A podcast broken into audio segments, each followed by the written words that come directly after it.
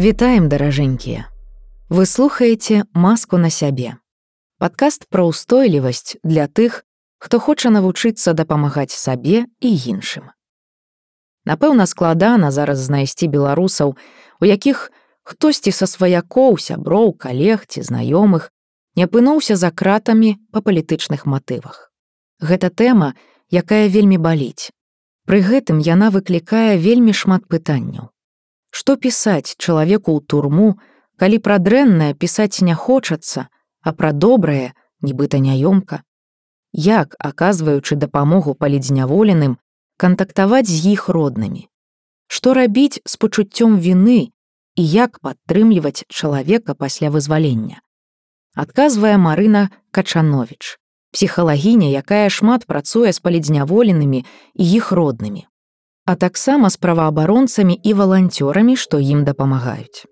Напрыканцы практыка, якая будзе карысная ўсім, хто любым чынам сутыкаецца з гэтай тэмай.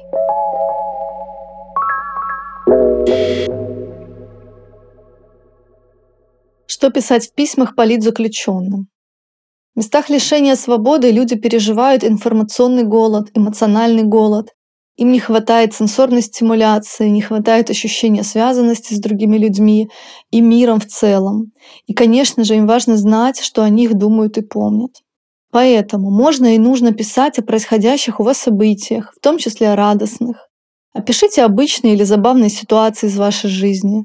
Расскажите, какую книгу прочитали, какой фильм, сериал посмотрели, какую музыку послушали последнее время. Поделитесь какими-то своими мыслями об этом. Можно написать интересные факты, которые вы для себя открыли. Можно прислать стихи. Хорошо предложить э, фотографии, открытки, рисунки, какие-то картинки. Можно сбрызнуть э, письмо духами. Это все внесет разнообразие и новые краски в окружающую политзаключенных обстановку. Даст позитивные эмоции, а значит вызовет выработку серотонина и дофамина, которые очень необходимы для того, чтобы сохранить себя в тюрьме. Стоит помнить, что некоторых тем лучше избегать, тем, которые не пройдут цензуру, все, что связано с политикой, войной, какие-то лозунги, комментарии о ходе уголовного дела этого человека или других э, политзаключенных и вообще ну, каких-то историй о других политзаключенных тоже. Как общаться с политическими заключенными, с теми, кто вышел на свободу? Важно помнить, что люди выходят травмированными. Что это значит? Травматическим становится опыт, который наша психика не смогла переработать, потому что ей не хватило ресурсов, не хватило внешней поддержки. Это было слишком сильное воздействие. Продолжительность стресса, то есть э, вот в нашем случае заключение это продолжительный стресс, тоже увеличивает э, травматичность этого опыта. Мы знаем, что для наших политических заключенных создаются невыносимые условия, пыточные условия специально. И очень сложно представить себе человека, на которого бы это никак не воздействовало и не отразилось на нем. То есть мы предполагаем, что та или иная степень травматизации будет у каждого. Станет ли этот опыт травмой, мы узнаем через какое-то время, через 3-6 месяцев. То есть через полгода может сформироваться посттравматическое стрессовое расстройство или посттравматическое расстройство адаптации, какая-то из этих форм. Но первое время, первые полгода психика будет стараться переработать опыт сама. Зачем я это говорю? Чтобы мы вообще представляли, с кем мы встретимся, да? как на них это воздействовало. Конечно же, человек выходит э, оттуда с какими-то изменениями. В общении с ним нам важно сохранить баланс. Нам не стоит относиться к ним как к жертвам, но также и не стоит героизировать. Это обычные люди, которые пережили сложный опыт. Нам точно не стоит их опекать, относиться к ним как к беспомощным, как к детям, пытаться их как-то усыновить, заботиться о них как о маленьких. Это будет даже унизительный опыт для человека. Как будто бы он, с ним что-то случилось, и он стал беспомощным, он не в состоянии справиться. Это не так. нам стоит относиться к ним с уважением. Также важно уважать их волю и их выбор. Почему это такой важный момент? Люди, находящиеся в заключении, живут по чужим правилам, они подчинены режиму, они подчинены там своим надсмотрщикам, они выполняют то, что им скажут, они едят, когда им скажут, они спят, когда им скажут, и столько, сколько им скажут, они делают то, что им скажут, у них там очень мало остается свободы. И это такой фактор для сохранения личности. Об этом еще писал Виктор Франкл, психолог, который прошел концлагеря немецкие. Он писал о том, что возможность хоть что-то решать сохраняет личность. Я хочу чищу зубы, хочу не чищу. Это сохраняет мою свободу. Когда люди вышли, часть их восстановления — это возможность самому решать, как дальше быть, как социализироваться, как восстанавливаться, как распоряжаться своей жизнью. Им важно восстановить свою субъектность и свою свободу. Когда они выйдут на работу, пойдут ли они к психологу, как они будут справляться со своими переживаниями, какими способами, останутся ли они в этой стране или нет, что они будут делать с своим здоровьем. Очень важно, чтобы у них сохранялась вот эта свобода выбора. С одной стороны, нам важно относиться к нашим близким, вернувшимся из мест заключения, как субъектам с уважением, а с другой стороны, нам важно учитывать, что человек прошел через травматический опыт, травмирующий опыт. Какие последствия мы можем наблюдать? Кто-то может стать более эмоциональным, с такой подвижной эмоциональностью, легче плакать или вспыхивать, агрессировать, их эмоции будут более яркими, более бурными. Они могут хотеть много рассказывать, например, о том, что произошло. В этом случае что мы можем для них сделать? А, мы можем им предоставить так называемый как свой контейнер, да, такое вот место в своем сердце, в нашем контакте, куда они могут выгрузить свои эмоции и свой рассказ. Дать им для этого пространство, выговориться, выплакаться. Это будет называться, что мы контейнируем. Очень важный здесь такой момент. Мы должны также соотноситься с собой, насколько нам выносимо.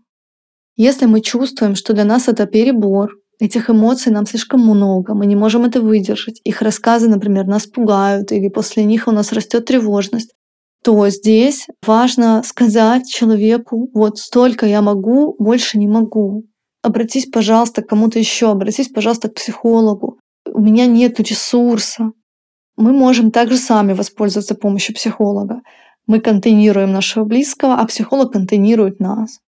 Психолог — это человек специально обученный, у него большой контейнер, он может выдержать эмоции и эту историю, и с этим справиться. И мы можем смело вот так регулировать, сколько мы можем, а где нам уже самим нужна помощь или где мы хотим остановиться.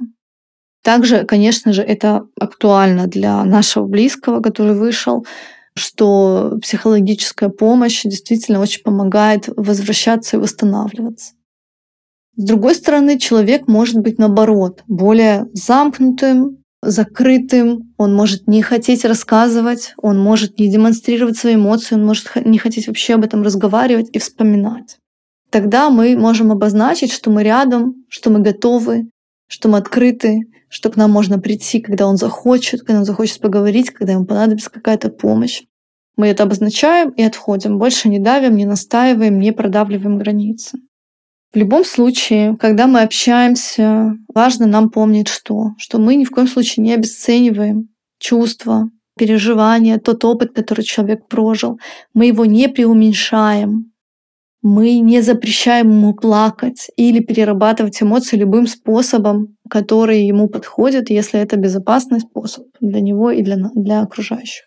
То есть мы не говорим ему, ой, не плачь, успокойся, все будет нормально, все уже закончилось, чего уже сейчас вспоминать. Это будет обесценивание его переживаний. И это будет для нас звоночек. Ага, если я хочу так человеку сказать, все, все, все, да не плачь, все нормально, все хорошо, все закончилось. Если я так хочу сказать, Скорее всего, я уже сам не выдерживаю. Скорее всего, мой контейнер переполнен. Скорее всего, я нуждаюсь уже в помощи, да, или психолога, или какого-то другого близкого, который может меня выслушать. Также важно не сравнивать, что вот ты вот тут вот, а вот он уехал, а вот все уехали, а ты хочешь остаться, а вот вот Петя вышел сразу на работу, а ты вот лежишь на диване. Не сравнивать, каждый справляется как может. Мы с уважением относимся к способу человека справляться, к его скорости. Ему может понадобиться больше или меньше времени, чтобы восстановиться и чтобы как реадаптироваться да, в социуме. Если мы видим, что через полгода сохраняются такие симптомы, как повышенная тревожность, бессонница, например, панические атаки у человека, он все еще замкнут и избегает рассказа, но мы видим, что это влияет на него. Если человек уходит в алкоголизацию, в трудоголизм, в какие-то игры, это все нам говорит о том, что психика сама не справилась, и человек нуждается в профессиональной помощи. И здесь мы уже имеем право немножко надавить, немножко нарушить границы и сказать ему, послушай, я вижу, что это оставило след. Я вижу, что это не прошло, я вижу, что ты нуждаешься в помощи. Давай, я помогу тебе, или ты сам найдем специалиста, обратишься к психологу, или к психиатру в некоторых случаях, а, если это посттравматическое стрессовое расстройство. Можно вот так сказать, и можно уже быть более настойчивым. Если обращаться к психологу, то психолог направит к психиатру, если в этом есть необходимость медикаментозной поддержки. Так бывает. Вторичная травматизация.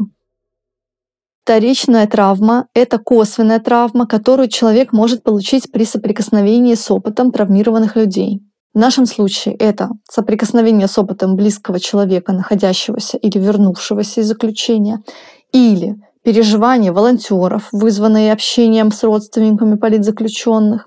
Также могут оказаться вторично травмированными журналисты, документаторы, волонтеры, посещающие суды. В общем, каждый кого эмоционально затронет травматический опыт. А он затронет в любом случае, если вы с ним контактируете. Поэтому стоит помнить об этом феномене и внимательно относиться к своему состоянию. В конце подкаста я дам практику, которая поможет отследить влияние, оказанное на вас. Как общаться с родственниками политзаключенных? Итак, какие правила общения с родственниками политзаключенных можно выделить? Помня, что в первую очередь мы заботимся о себе и своем состоянии. А, держим в голове, что эти люди продолжают находиться в травматической ситуации. Для них она не закончилась. Называйте и описывайте, чем вы можете помочь. Оставляйте человеку выбор. Выбирая, человек всегда занимает взрослую позицию. Это помогает ему оставаться более устойчивым. Спрашивайте, какая нужна помощь и поддержка. Не стоит фантазировать и предполагать самому. Помните, что люди в трудных эмоциях могут не очень выбирать слова, могут быть резкими, даже агрессивными. Не стоит спорить с ними или принимать на свой счет э, какие-то резкие высказывания. Если у вас есть ресурс, давайте пространство выговориться и выплакаться, контейнируйте. После общения с родственниками всегда обращайтесь к своему телу, эмоциям и мыслям, проверяйте свое состояние. Обязательно сами обращайтесь к близким за поддержкой или к психологу за профессиональной помощью. Близкие могут переживать вину, из-за этого могут бояться возразить. Есть такой феномен вина выжившего. Такую вину испытывают люди в ситуации, когда они сохранили жизнь там, где другие, особенно близкие, погибли. Такое же переживание приходит к людям, которым удалось избежать тюремного заключения там, где другим нет. Удалось уехать и строить свою жизнь, когда другие в тюрьме. Это очень трудное переживание, способное отравить и испортить жизнь и отношения. И это абсолютно токсическая вина, то есть вина без реальных оснований. Под ней нет никакого поступка, лишь течение обстоятельств, которые не всегда зависели от нас. Выключить такую вину каким-то одним заклинанием, к сожалению, невозможно. Мы можем лишь все время помнить, что для нее нет реальных оснований, реальной основы. Удерживаться от самобичевания и от того, чтобы, так сказать, разгонять страдания, углубляться в нее, да, закапывать самого себя туда. К сожалению, самобичевание также используется как э, такое наказание себя, как будто бы это может облегчить вот этот мнимый проступок. А, но легче так, к сожалению, не станет. Ни вам, ни тем, кто в тюрьме. Лучшее, что можно сделать для них, это не сдаваться и продолжать верить и делать то, что в ваших силах. Письмо, написанное в тюрьму, донат, высказанная позиция стоит больше, чем посыпание головы пеплом. Также токсическая вина будет мешать адекватному общению с вашим близким, который вышел на свободу. Если вы сосредоточены на самобичевании, вы перестаете видеть его, видеть реальность. Вы находитесь внутри своего процесса и не можете помочь или поддержать. Ваши решения могут стать совсем неэффективными. Например, вы будете излишне опекать, позволять нарушать границы, бояться тут возразить, вы можете бояться сказать что-то не то. И это помешает вам помочь близкому в реадаптации и переработке травматического опыта. Человек после выхода на свободу может уйти в изоляцию или обвинение. Нам нужно не терять надежду, верить и транслировать, что все было не зря, что это не конец, а только часть пути. Иначе то, что делали люди, и то, что привело их к тюремному заключению, было напрасным. Отчаяние, разочарование, обесценивание ведут в апатию и депрессию. И это не то, чего бы мы хотели для наших близких. Бывают моменты, когда верить очень трудно. Махнуть рукой, всех раскритиковать и обидеться друг на друга проще. И это путь в изоляцию для политзаключенных, путь в разъединение для всех нас. Не стоит поддерживать разговоры, ведущиеся в обвиняющем или обесценивающем ключе. Если вы такое слышите, можно сказать, послушай, я с этим не согласна. Каждый из нас делает то, что он может. Мы все хотим одного, и мы стараемся. Да, мы делаем ошибки, но мы ведь живые люди. Я не хочу никого обвинять или критиковать. Достигнем цели, тогда будем ругаться в парламенте. Также обвинение и изоляция могут быть признаком травмированной психики, будто это защищает человека от соприкосновения с трудными чувствами, болью, страхом, пережитым унижением, отчаянием. К сожалению, отрицание этих переживаний не приводит к их исчезновению. Если воспоминания приносят нестерпимую боль, если хочется замкнуться в себе, спрятаться от мира и других людей, стоит подумать о профессиональной помощи, о работе с психологом.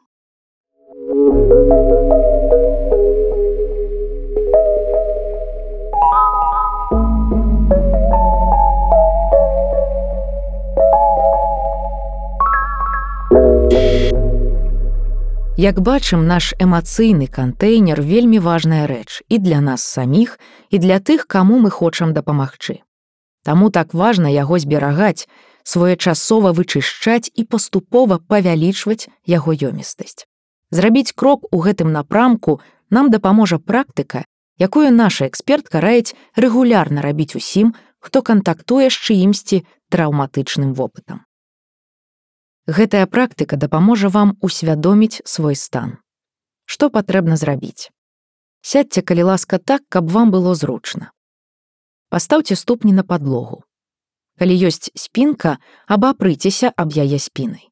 Калі яе няма, займіце такое становішча, каб вашай спіне было комфортна, каб у ёй не было напругі. Так вы можете адпусціць усю напругу наўпрост зараз. Адчуйце вагу свайго цела. Адчуйце, што яно цяжкае і што яно аддае гэтую вагу паверхні, на якой вы сядзіце. Цяпер звярніце ўвагу на сваё дыханне. Калі яно занадта хуткае ці павярхоўнае, вельмі асцярожна і павольна паспрабуйце зрабіць яго ледзь глыбейшым, замарудзіць яго удыхайце і выдыхайце, адчуваючы ўсё сваё цело. Усведамляйце адчуванні, якія цяпер ёсць у вашым целе. Проста іх фіксуйце і называйце пра сябе. Вось недзе напружаныя мышцы. Ці можа нязручна стаіць нага.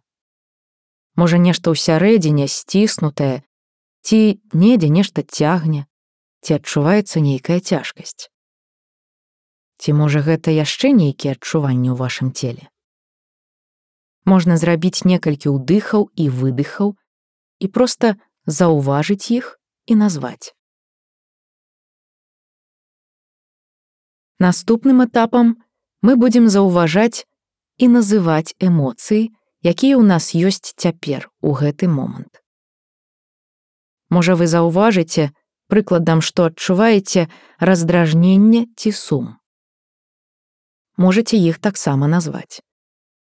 Вазьміце крыху часу, каб паназіраць за сваімі эмоцыямі і назваць іх.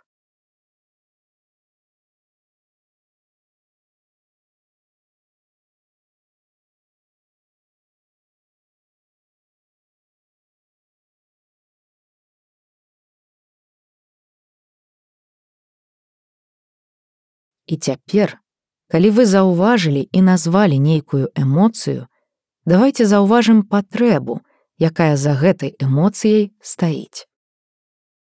Чаго вам хочацца? Пра што кажа гэтая эмоцыя? Прыкладам, калі вы заўважылі нейкае раздражненне, яно можа быць злучана з нейкай размовай, калі вас не пачулі, ці адбылося нешта, што вам не вельмі падабаецца. І тады ваша патрэба будзе ў тым, каб вярнуцца да гэтага чалавека і паразмаўляць з ім, дамовіцца ці паведаміць пра тое, што так вам не пасуе. Ці калі гэтая эмоцыя сум, то гэты сум можа быць звязаны з нейкай сітуацыяй. Напрыклад, вы пачулі нейкую сумную гісторыю, але пабеглі далей не паспелі ўсвядоміць гэты сум, не паспелі яго заўважыць. І вось цяпер у вас ёсць такая магчымасць. Вы можете павярнуцца, заўважыць, што там стаіць за гэтым сумам.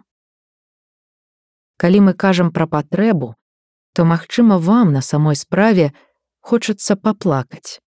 Вам хочацца некаму расказаць, падзяліцца. Вазьміце трохі часу і паназірайце. Якія патрэбы стаяць за вашымі эмоцыямі? Чаго вам хочацца?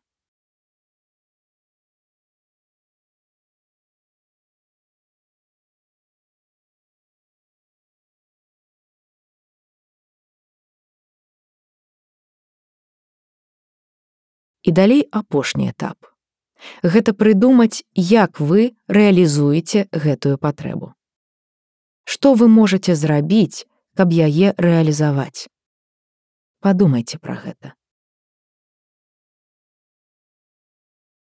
І магчыма, вы ўжо прыдумалі адно ці некалькі дзеянняў, якія могуць вам дапамагчы. І нават калі вы не паспелі зрабіць гэта цяпер, ідэі могуць прыйсці пазней. Ужо тое, што вы заўважылі ўсё гэта, звярнулі на гэта ўвагу, ужо само гэта дапаможа вам заставацца больш устойлівымі. Падзякуйце сабе за гэта. Гэтую практыку можна скарыстаць для таго, каб разабрацца з пэўным станам пасля нейкай сітуацыі, камунікацыі. Напрыклад, вы адчуваеце, што вы неяк узбуджаныя, што нешта з вами адбываецца, можна карыстацца ёю і тады, калі вы проста адчуваеце нешта, нейкі стан і не разумееце, з чым гэта звязана. Вы можете вось так сесці, звярнуцца да свайго цела, дыхання, адчуванняў і эмоцый, запаволіцца, назваць і ўсвядоміць, што ж менавіта з вами адбылося, што вы адчуваеце і што вы хочаце, і што вы можете зрабіць. А можна гэтую практыку рабіць проста само па сабе. Кожны дзень, можна нават некалькі разоў на дзень. І тады вы адчуеце, як моцна павялічваецца ваша ўсвядомленасць і ўважлівасць да сябе. Добрай вам практыкі. Thank you.